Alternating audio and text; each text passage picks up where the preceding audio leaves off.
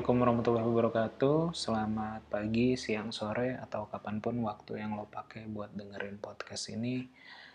Kembali lagi bersama gue Panji di podcast Ngobrol-Ngobrol Bisnis. Ini rencananya rilis tanggal 30 Desember tahun 2019 sebagai podcast akhir tahun. Kali ini uh, gue sendiri ya.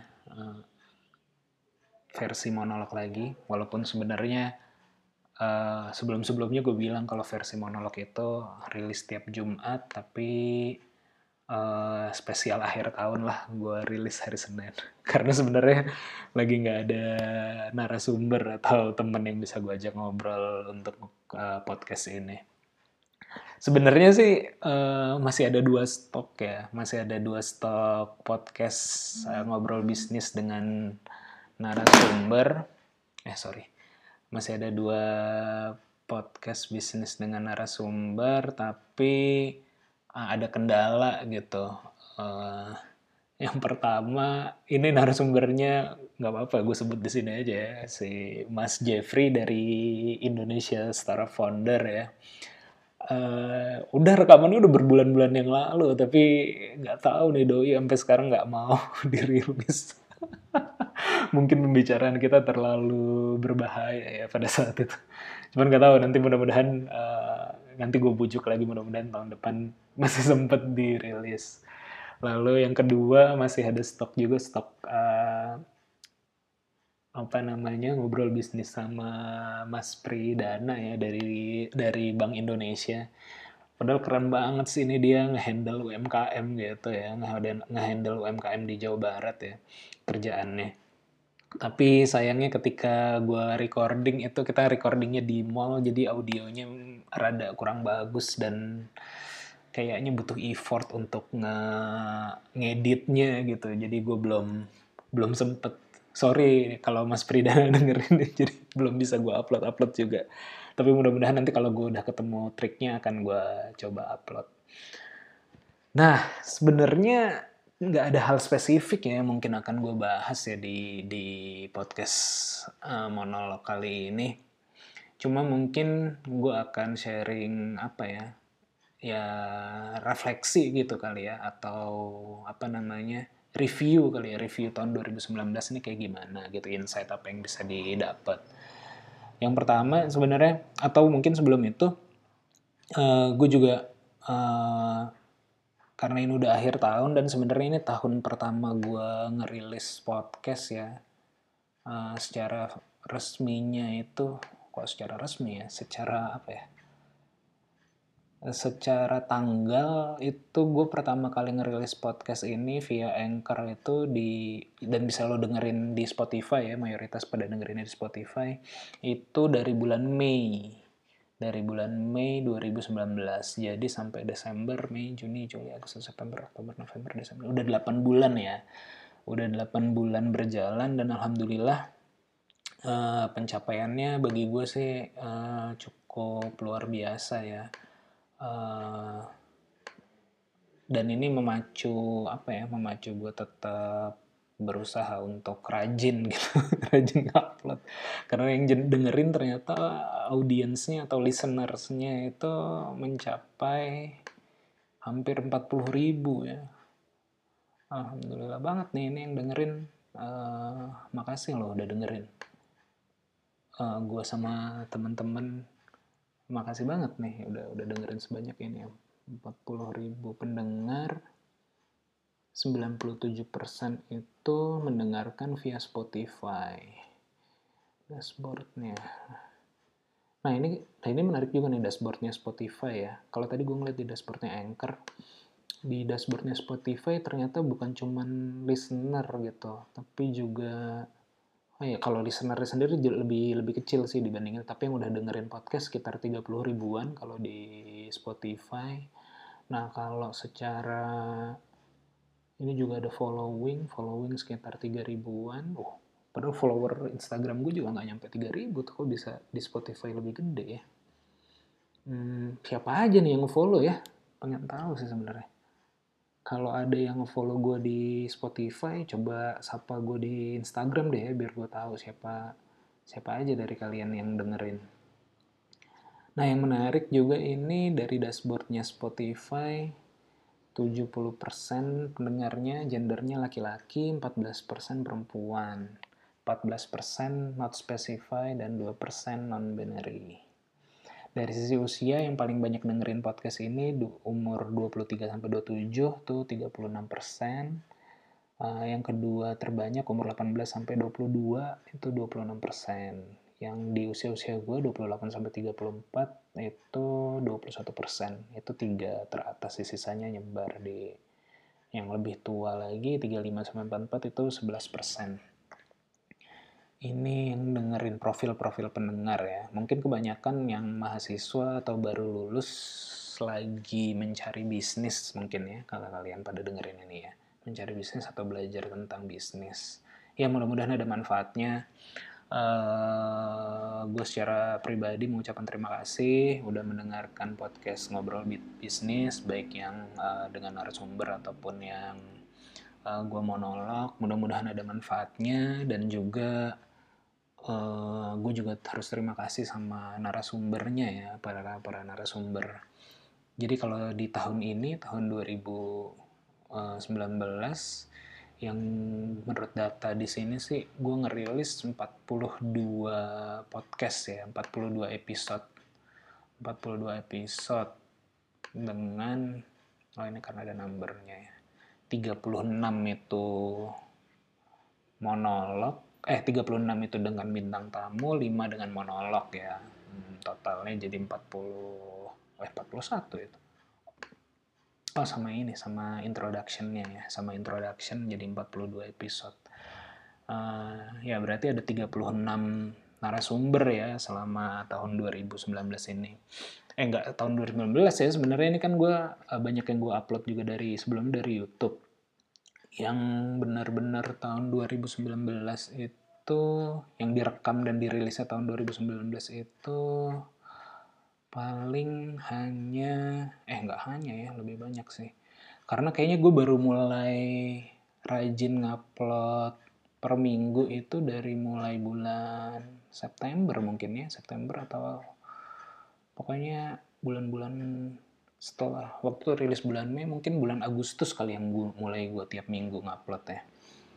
Hmm, nah ini yang Januari sebenarnya sebelumnya kan gue nguploadnya di YouTube ya uh, dari episode 6 ya dari episode 6 uh, ah, dengan Rahmania itu bulan Januari berarti ya cukup banyak lah intinya sih sekitar 30 ya 36 berarti 30 episode tuh yang dirilis resmi atau yang direkam tahun 2019 ini.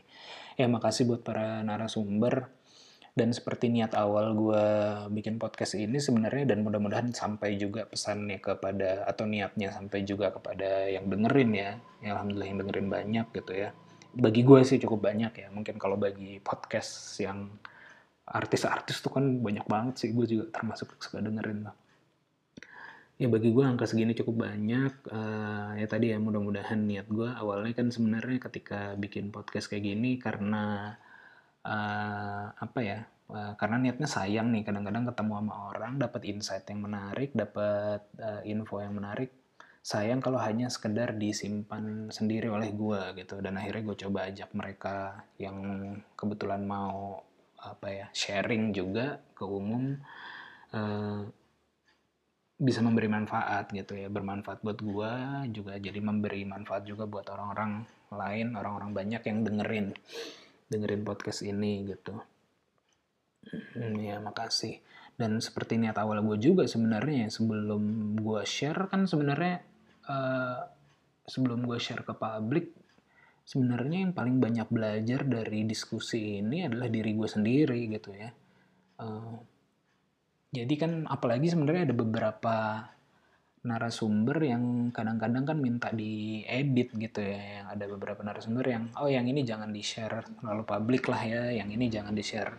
Yang ini tadi dipotong, dibuang aja gitu. Jadi hmm, secara konten sebenarnya yang paling banyak belajar gue sendiri gitu.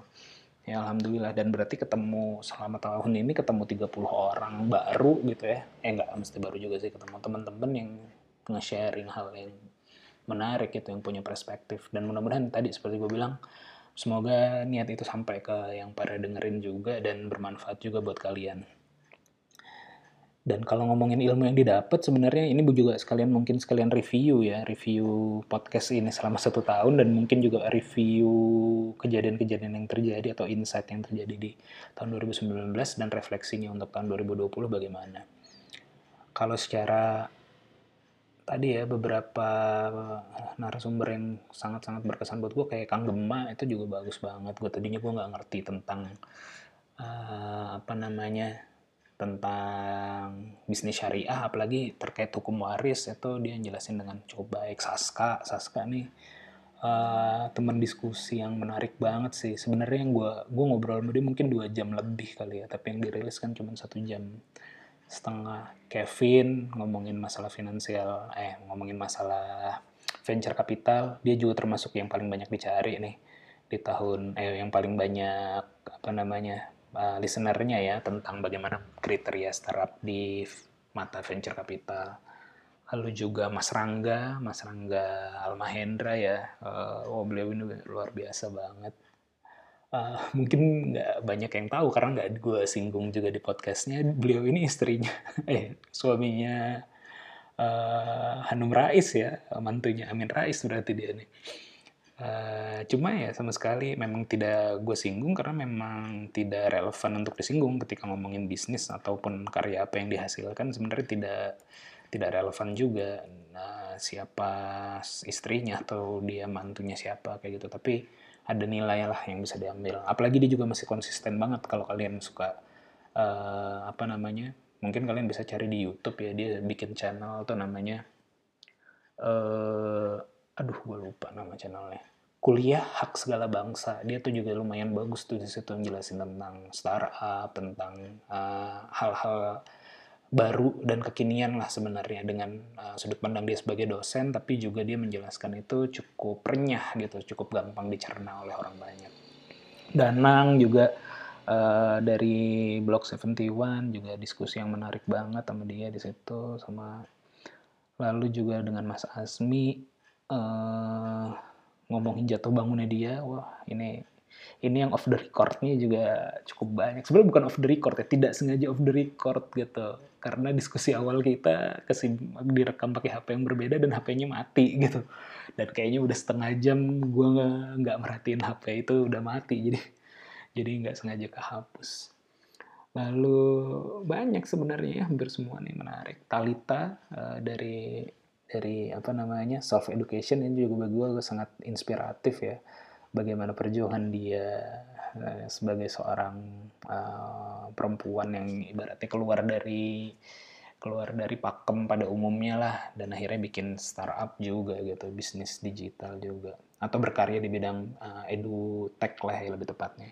Nasmi ini juga sangat kayaknya dia banyak yang belum terulik sih uh, ke umum ya. Mungkin nanti tahun 2020 akan gue ajakin untuk podcastan lagi. Sama yang baru-baru ini juga ngobrol sama Teh Lydia. Hmm, ya ini sangat inspiratif sih dia ya. Bagaimana keterbatasannya uh, tidak jadi halangan dia untuk berkarya gitu. Kalau yang kalau yang belum dengerin nanti di search search aja. Dia tuh menderita apa sih namanya? SMA ya spinal muscular uh, atrophy di mana agak kurang baik dalam berjalannya gitu ya. Ada kendala uh, otot kakinya gitu jadi jadi jadi terkendala. Tapi dia sampai selesai S3 gitu ya sampai selesai S3 dan bikin bisnis yang memang ingin tujuannya adalah untuk mencoba membantu penderita-penderita atau anak-anak yang mengalami uh, kondisi yang sama dengan dia. Jadi Ya, terima kasih yang udah ya ini shout out buat para para narasumber sih yang udah pernah ngomong di ini. Oh ya nggak semuanya gue sebut cuman ya itu beberapa yang hmm, bagi gue secara pribadi sangat-sangat inspiratif uh, ya gitu dan semoga kalian yang dengerin juga bisa mengerasa itu juga bermanfaat ya sehingga dengerin dan kalau kalau ngerasa itu bermanfaat mungkin bisa dibantu di share juga atau di follow mereka ya uh, Instagramnya atau di follow mereka bisnisnya gitu. Hmm, gitu sih. Apa lagi ya mau ngebahas apa lagi nih? Nah, Insight 2019. Sebenarnya ini mungkin gue akan sampaikan materi apa yang gue materi yang gue sampaikan beberapa minggu lalu di beberapa minggu lalu lu jadi gue ceritanya diundang ke untuk ngisi di salah satu universitas gitu. Sebenarnya ngisi tentang marketing. Cuma uh, di satu part dari sesi tersebut gue ngambil uh, beberapa insight dari Google sebenarnya tentang apa yang terjadi di tahun 2019 dan bagaimana kita menyikapinya di tahun 2020 gitu. Kalau nggak salah ya uh, banyak sih filenya beredar ya, cari aja insight, insight apa Google Insight kali ya 2019 kayak gitu. Dan bagi gue ini menarik dan mudah-mudahan bisa jadi perspektif juga buat buat para buat kalian yang dengerin ya ada beberapa insight yang disampaikan sama Google. Pertama uh, terkait dengan imani adaptation. Terkait dengan imani adaptation ini uh, ya seperti kita ketahui ya sekarang nih imani udah me, me, apa namanya udah menjadi bagian hidup yang tidak terelakkan lagi ya terutama bagi kita yang tinggal di kota gitu ya bahkan beberapa temen gue juga udah sehari-hari udah nggak pernah bawa cash lagi tapi dia pakai beberapa imani di handphonenya gitu kayak dana link aja go go apa namanya gopay ovo kayak gitu gitu karena di beberapa mall gitu atau di tempat bermain eh di tempat apa ya beraktivitas dia udah banyak yang memfasilitasi itu gitu. Jadinya jadinya udah sangat bagus. Dan apalagi dan ini juga sebenarnya jadi insight ketika bulan Juni atau bulan bulan apa ya bulan April lalu gue ke Shenzhen di sana juga udah seperti itu banget gitu. Kalau kita kan sekarang untuk kalau di Jakarta khususnya untuk kalau kayak MRT ataupun uh, Transjakarta itu masih pakai kartu kalau kayak gitu. Kalau di sana tuh imaninya bahkan untuk transportasi juga udah bisa gitu. Jadinya enak banget sih bener-bener nggak bawa apa-apa ya. Keluar nggak perlu bawa dompet bahkan juga uh, cuman bawa handphone aja kita nge-tap bayar apa segala macem untuk transportasi makan perjalanan terus juga untuk belanja itu udah udah bisa semua gitu. Dan kayaknya Indonesia makin akan dekat dengan itu. Dan kalau dari dari Google ternyata yang disampaikan uh, year on year-nya year on year growth-nya itu bisa lima kali lipat. Di South Asia Southeast Asia ya di Asia Tenggara ini di ASEAN uh, year on year-nya uh, growth-nya lima kali lipat. Artinya di tahun 2012 tuh uh, ya masih seperlimanya gitu ya. Uh, dan total value-nya ini mencapai 22 billion eh, US dollar ya di tahun 2019. Dan diprediksi sampai 2025 se Asia Tenggara ini akan meningkat sampai 114 billion US dollar. Dan faktornya kenapa orang pada make, yang pertama kalau dari data dari Google ini, uh, yang pertama tentu saja convenience gitu, simple, gampang digunakan yang kedua praktikal gitu. Uh, lebih mudah lebih uh, pembayarannya lebih cepat gitu. Nggak ini juga masalah yang sering muncul tidak perlu antri kayak gitu ya. Ini bukan promo tapi bukan promo bisnis gue sendiri tapi tapi memang ada data dari Google seperti itu. Dan yang ketiga tentu saja promotion. Dan ini kayaknya ngedrive kita juga sih untuk belanja. Terutama tahun tahun ini mungkin ya atau tahun lalu ya. Dimulai dari tahun 2018 kayaknya deh. Uh, termasuk yang ngedrive gue juga. Kan gue suka cukup suka nonton gitu ya dan dan salah satu yang ngedrive gue make uh, aplikasi dompet uh, dana ya tentu saja nonton karena di awal-awal dia banyak banget promonya di situ gitu. Bahkan sampai sekarang pun promonya tidak ada gue masih ada di HP dan masih make juga untuk beberapa pembayaran kayak gitu untuk mempermudah. Jadi tiga trigger itu sebenarnya yang bikin bikin uh, e-wallet ini atau e-money adaptation ini cukup cukup meningkat itu di Asia ya secara luas. Nah kalau di Indonesia sendiri sebenarnya juga kalau based on data Google, Google kan mencatat semua aktivitas uh, online kita ya, hampir semua aktivitas online kita gitu. Bahkan uh, apa yang kita ketikin di bahkan apa yang kita ketikin semua di HP itu kalau lo pada pakai uh, keyboardnya Google juga itu sebenarnya ke data sama Google gitu. Tapi kalau yang ditampilkan di sini sih yang gue baca dokumennya ini di Indonesia uh, peningkatan search paling nggak pencarian ya peningkatan pencariannya itu juga meningkat gitu. Uh, pencarian digital wallet tuh meningkat 2,7 kali peningkatan bagaimana uh, keyword untuk mencari uh, how to using imani bagaimana menggunakan uh, imani itu meningkat uh, hampir tiga kali lipat kayak gitu dibanding tahun sebelumnya kayak gitu sih. Itu jadi dan itu menurut gue bener banget ya. Nanti untuk tahun 2020, 2020 juga kalau kalian ada yang menjalankan startup uh, yang kaitannya sama apa yang sifatnya mungkin uh, B2C atau mungkin C2C harap dipertimbangkan untuk membuat atau membuat aplikasi kalian yang kompatibel atau bisa terintegrasi dengan uh, beberapa digital wallet atau e-money yang sudah eksis sekarang gitu dibanding alih-alih bikin baru gitu karena menurut gue ya. Uh, karena kalau misalnya aplikasi kalian hanya sekedar untuk uh, apa namanya satu hal tapi belum bisa sampai transaksinya biasanya nanggung gitu nanti dipakainya. Itu kalau kalian masih pengen bergerak di bidang startup ya. Ini depan gue ada orang yang cuman ketawa Iya kalau kemarin kan sempat beredar atau sebenarnya udah cukup lama, udah cukup sering ya beredar ya bahwa uh, startup tuh bakar-bakar uang. Ini ini out of the box dulu ya, apa uh, keluar dari tema pembahasan insight dulu ya. Terkeluar dari pembahasan tema insight 2019. Uh, tapi kan kemarin juga sempat kejadian lah apa uh, sempat sempat sering lah naik pembahasan bahwa startup tuh udah tidak lagi menarik lah atau startup itu udah tidak lagi uh, cocok karena sifatnya bakar-bakar uang kayak gitu. Nah sebenarnya uh, terutama yang dising disinggung kan uh, banyak tuh artikelnya di YouTube atau eh artikelnya di media berita atau di YouTube juga terkait buka lapak yang katanya udah mulai melakukan pemecatan dan segala macam ataupun juga uh, apa namanya melakukan uh, ya perampingan terus juga adalah beberapa analisanya masih merugi dan segala macam. Kalau lo belum sampai top 2 besar, dua besar di Indonesia, uh, lo belum bisa menang lah, kayak gitu gitulah.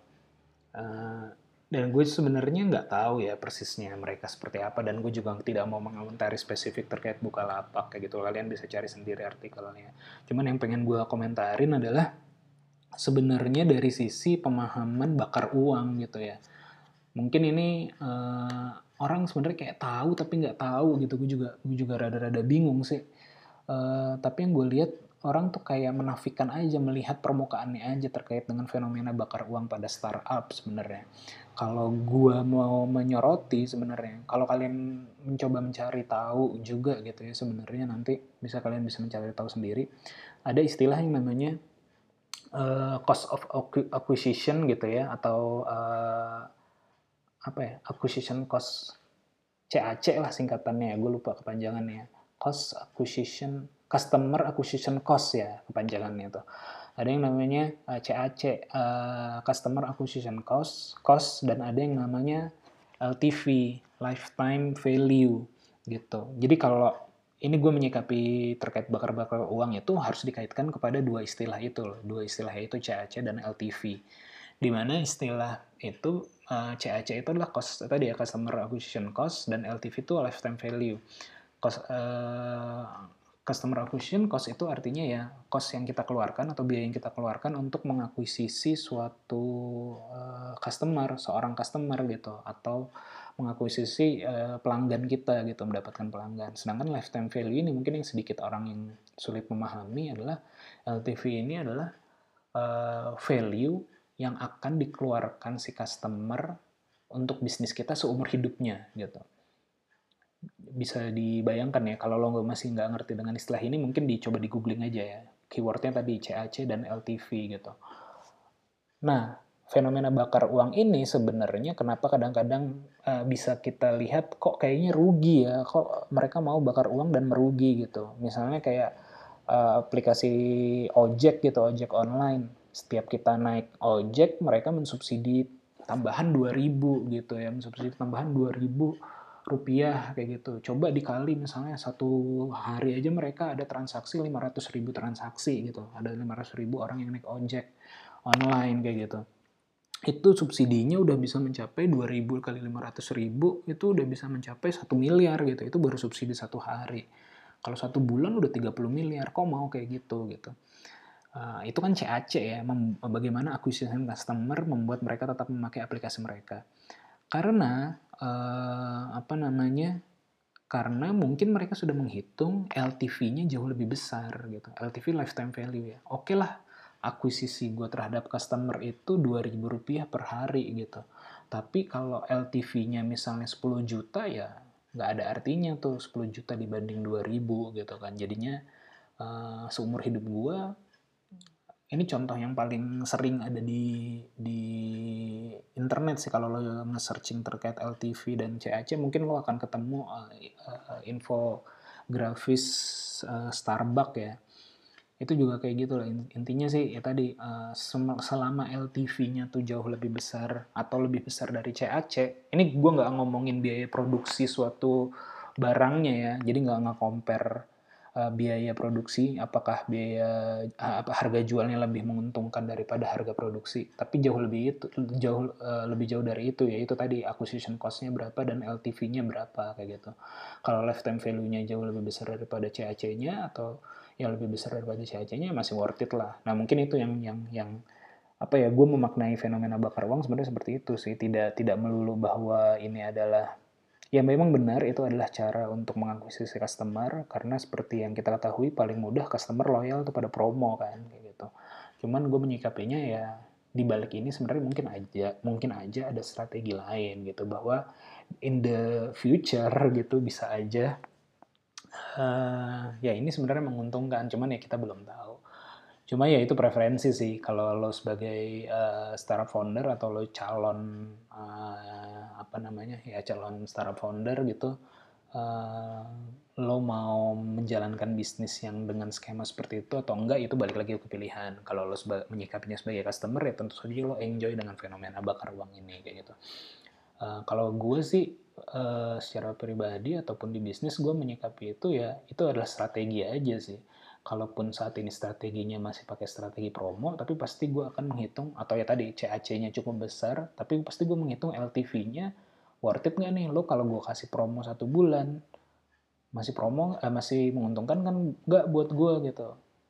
Ya kayak gitulah. Jadi jadi uh, ini keluar dari pembahasan utama. Cuman menurut gue uh, patut gue sampaikan ya. Mungkin nanti di episode berikutnya monolog berikutnya akan gue bahas secara lebih detail ya balik lagi ke insight yang bisa kita dapatkan dari Google uh, yang kedua yang dibahas sama Google adalah non metro growth atau pertumbuhan di lu di apa ya di area non urban lah di area non metro kayak gitu ya dan ini juga cukup besar ya. Kalau kita ngelihat ngebahas metro uh, kota gitu ya di Jabodetabek tuh uh, market value-nya atau apa value per kapita di tahun 2019 tuh mencapai 555 dolar gitu. Jadi rata-rata pertumbuhan per kapitanya uh, pertumbuhan per apa uh, per, pertumbuhan uh, online-nya gitu ya mencapai 500 belanja online-nya mencapai 555 dolar atau sekitar 6 juta gitu. Dan di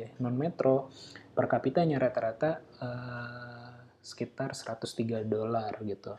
Yaitu sekitar hampir 2 juta atau sejuta setengah lah ya, kira-kira sejuta setengah.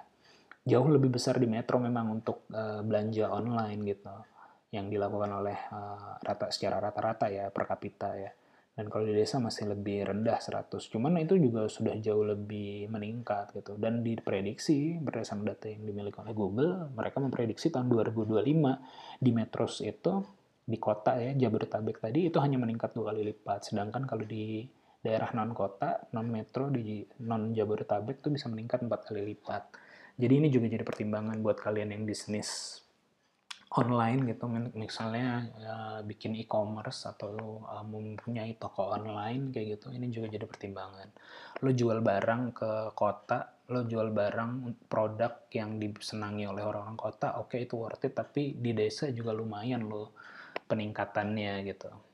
Dan ini bisa jadi apa ya bisa jadi mungkin uh, bisa jadi red apa blue ocean mungkin ya. Kalau di kota kan uh, jualan barang mungkin sudah jualan barang online mungkin sudah tinggi ya persaingannya. Tapi kalau lo mengambil uh, menjual barang yang sama atau menjual barang kebutuhan orang-orang non kota mungkin bisa lebih bermanfaat gitu dan tiga keyword terbesar juga nih data dari Google gitu yang paling banyak dicari itu adalah kaitannya sama beauty, kecantikan, auto tuh uh, terkait dengan kendaraan dan travel terkait dengan perjalanan. Jadi ini bisa buat keyword-keyword uh, kata-kata kunci yang mau lo cari. Nanti mungkin dokumennya uh, terutama mungkin presentasi gue terkait dengan ini akan gue taruh di deskripsi ya linknya. Berikutnya lagi insight yang bisa diambil dari yang dipaparkan oleh Google adalah kaitannya sama TV viewing online gitu. Banyak apa kaitannya sama orang melihat TV tapi di platform online khususnya di YouTube mungkin ya. Seperti kita ketahui kemarin ya ketika gue lagi bawa bawain materi ini gue tanya ke itu kan peserta materi gue di kampus tersebut uh, adalah mahasiswa semester 3 baik itu yang kelas umum maupun kelas karya eh, kelas no, biasa maupun kelas karyawan jadi usianya gue tanya paling tua mungkin kelahiran 99 dan paling muda itu kelahiran 2003 kalau nggak salah deh itu berarti uh, usia-usia 18 sampai 24 gitu kali ya sekitar sekitar usia-usia tersebut. Gue tanya dari mereka ada yang nonton TV nggak? Ternyata jawabannya nggak ada gitu. Mereka nonton TV, mereka sama sekali nggak nonton TV gitu. Uh, mereka nontonnya di YouTube kalaupun mereka nonton acara TV, mereka nontonnya di YouTube. Itu survei-survei sederhana lah. Dan gue yakin yang pada dengerin podcast ini juga mungkin kebanyakan tidak lagi nonton TV.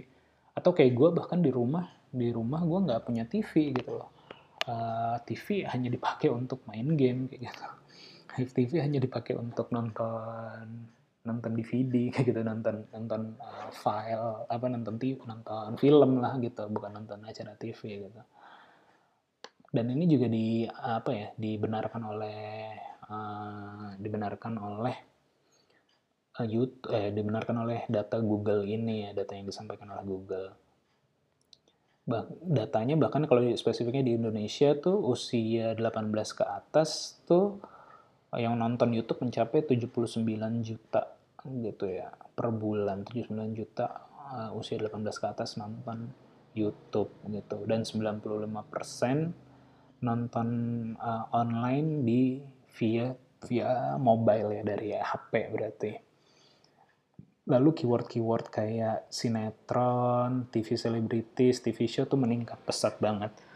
Bagainya kalau yang pada suka nonton YouTube juga atau dengerin uh, podcast apa uh, YouTube uh, YouTube YouTube lama, youtuber youtuber lama, mereka kan selalu mempertanyakan di tahun 2019 ini uh, kok yang uh, apa namanya lagi-lagi yang masuk trending topik adalah si artis, uh, si acara TV politik atau acara apa namanya uh, ya acara-acara TV atau artis TV itu sering banget masuk halaman trending.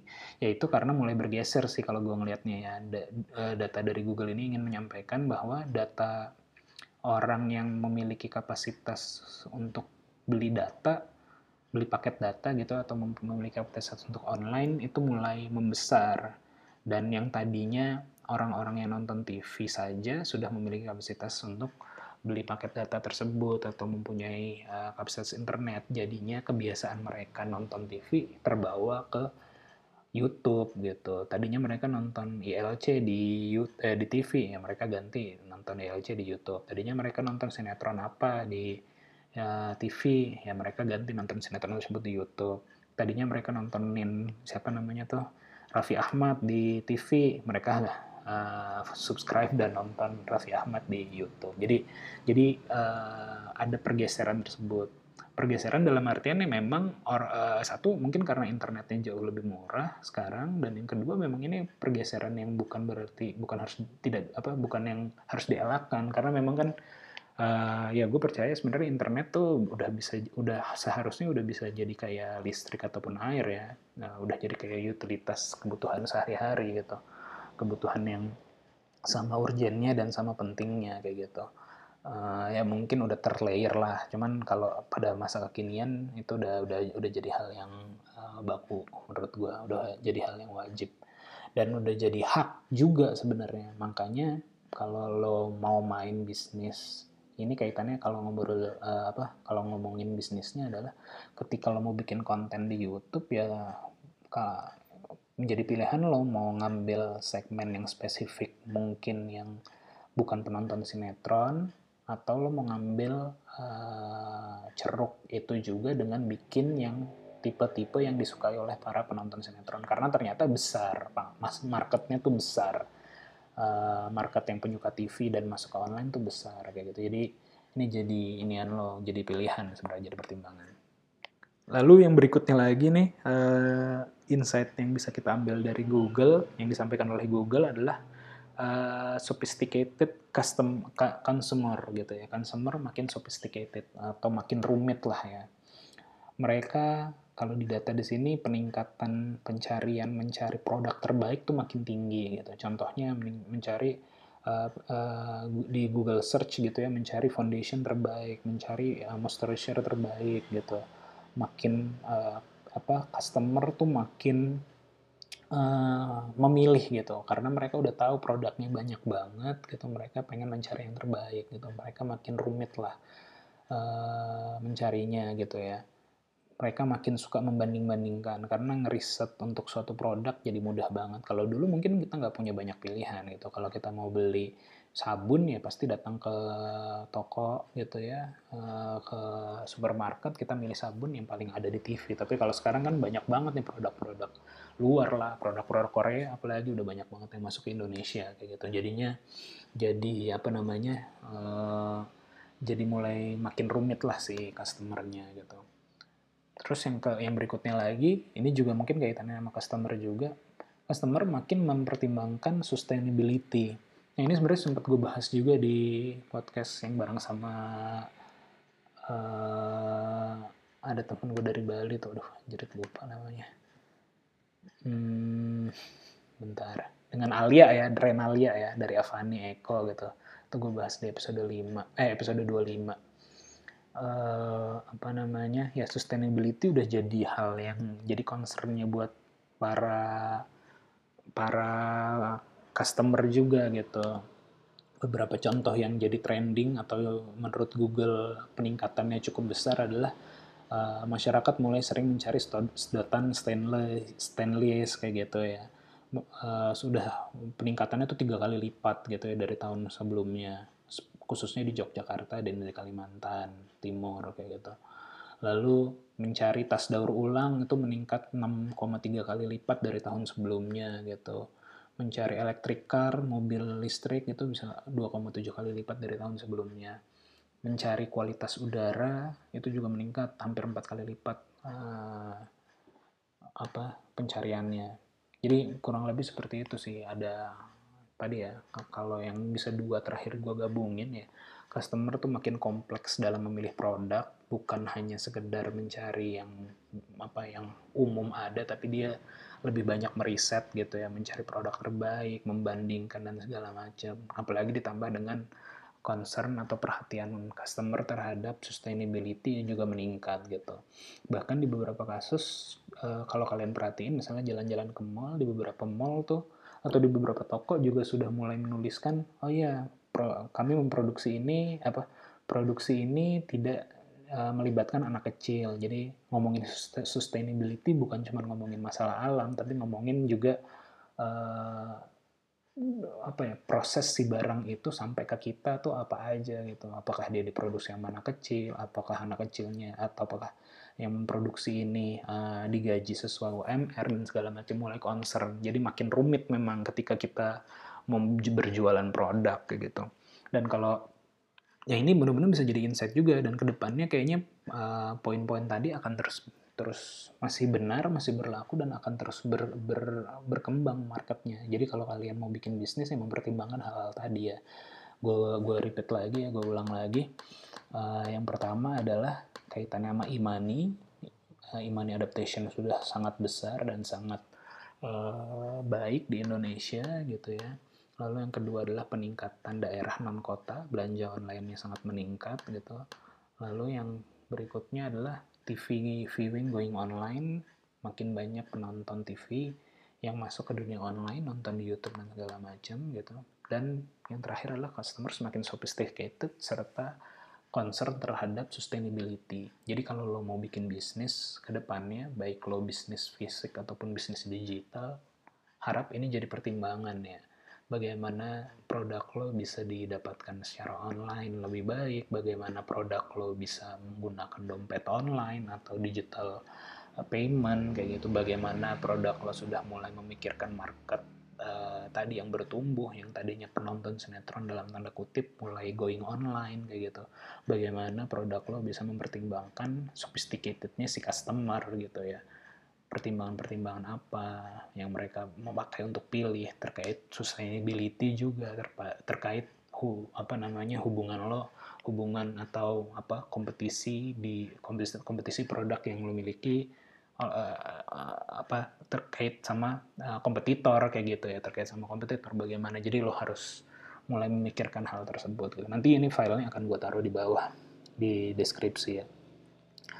Uh, ya gitu aja kali ya. Uh, gue nggak tahu nih berapa menit.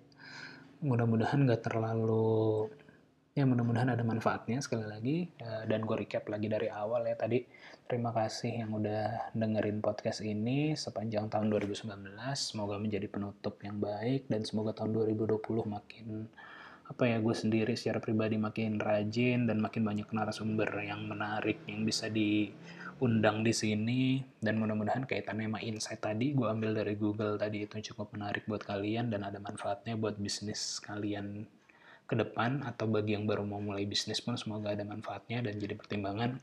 Sekian dari saya, uh, sampai jumpa di tahun depan. Assalamualaikum warahmatullahi wabarakatuh.